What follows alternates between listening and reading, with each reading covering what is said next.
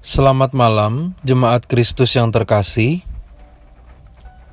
Renungan untuk kita pada malam hari ini berjudul Belas Kasih pada yang Tertindas. Dan bacaan kita diambil dari kitab Matius pasal 20 ayat 29 hingga ayatnya yang ke-34. Beginilah firman Tuhan. Dan ketika Yesus dan murid-muridnya keluar dari Yeriko, orang banyak berbondong-bondong mengikuti dia. Ada dua orang buta yang duduk di pinggir jalan mendengar bahwa Yesus lewat, lalu mereka berseru, Tuhan anak Daud, kasihilah kami. Tetapi orang banyak itu menegur mereka supaya mereka diam. Lalu mereka makin keras berseru.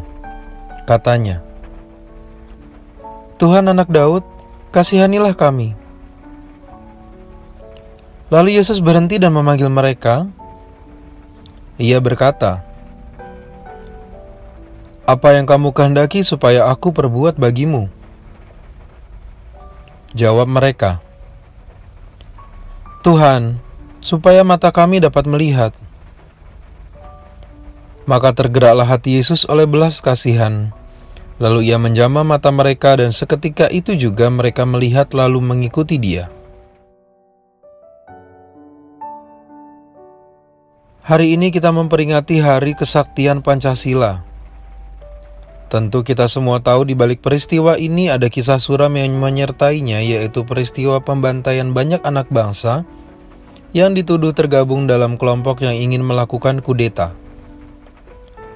Ada banyak kesedihan dan juga korban yang tak bersalah, dan masa-masa tersebut menjadi salah satu masa yang sangat kelam yang dialami oleh bangsa kita. Kita bersyukur bahwa para korban selamat dapat pulih melalui proses yang cukup panjang. Mereka mendapatkan kehidupan mereka kembali setelah situasi kembali berangsur normal. Lalu, di manakah kita pada saat ada isu, bahkan sekelompok orang disudutkan karena hal sensitif di masa lalu? Adakah di antara kita menyuarakan kebenaran? Adakah di antara kita bersedia membela mereka dengan segala keterbatasan yang kita miliki?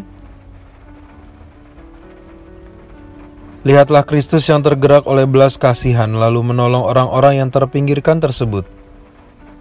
Walaupun jika dua orang buta ini tidak disembuhkan juga tidak berpengaruh apa-apa terhadap Tuhan. Tetapi ia tetap merengkuh mereka dan memulihkan mereka. Dan kita juga melihat permintaan dari kedua orang tersebut bukanlah hal yang untuk mementingkan ego semata. Permintaan mereka benar-benar kebutuhan mereka pada saat itu. Bisa jadi kita juga berjumpa dengan orang-orang yang sedang membutuhkan sesuatu dan kita sebenarnya dapat menolongnya. Namun itu semua akan bergantung pada pikiran dan hati kita. Apakah kita memiliki belas kasihan? Atau kita hanya memiliki ego yang besar dan selalu minta dipuaskan? Lalu bagaimana sikap kita?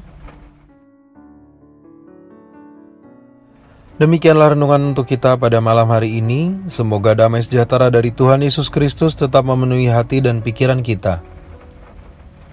Amin. Jemaat Tuhan yang terkasih, mari kita bersatu hati menaikkan pokok-pokok doa yang ada dalam gerakan doa 21 GKI Sarua Indah. Mari kita berdoa.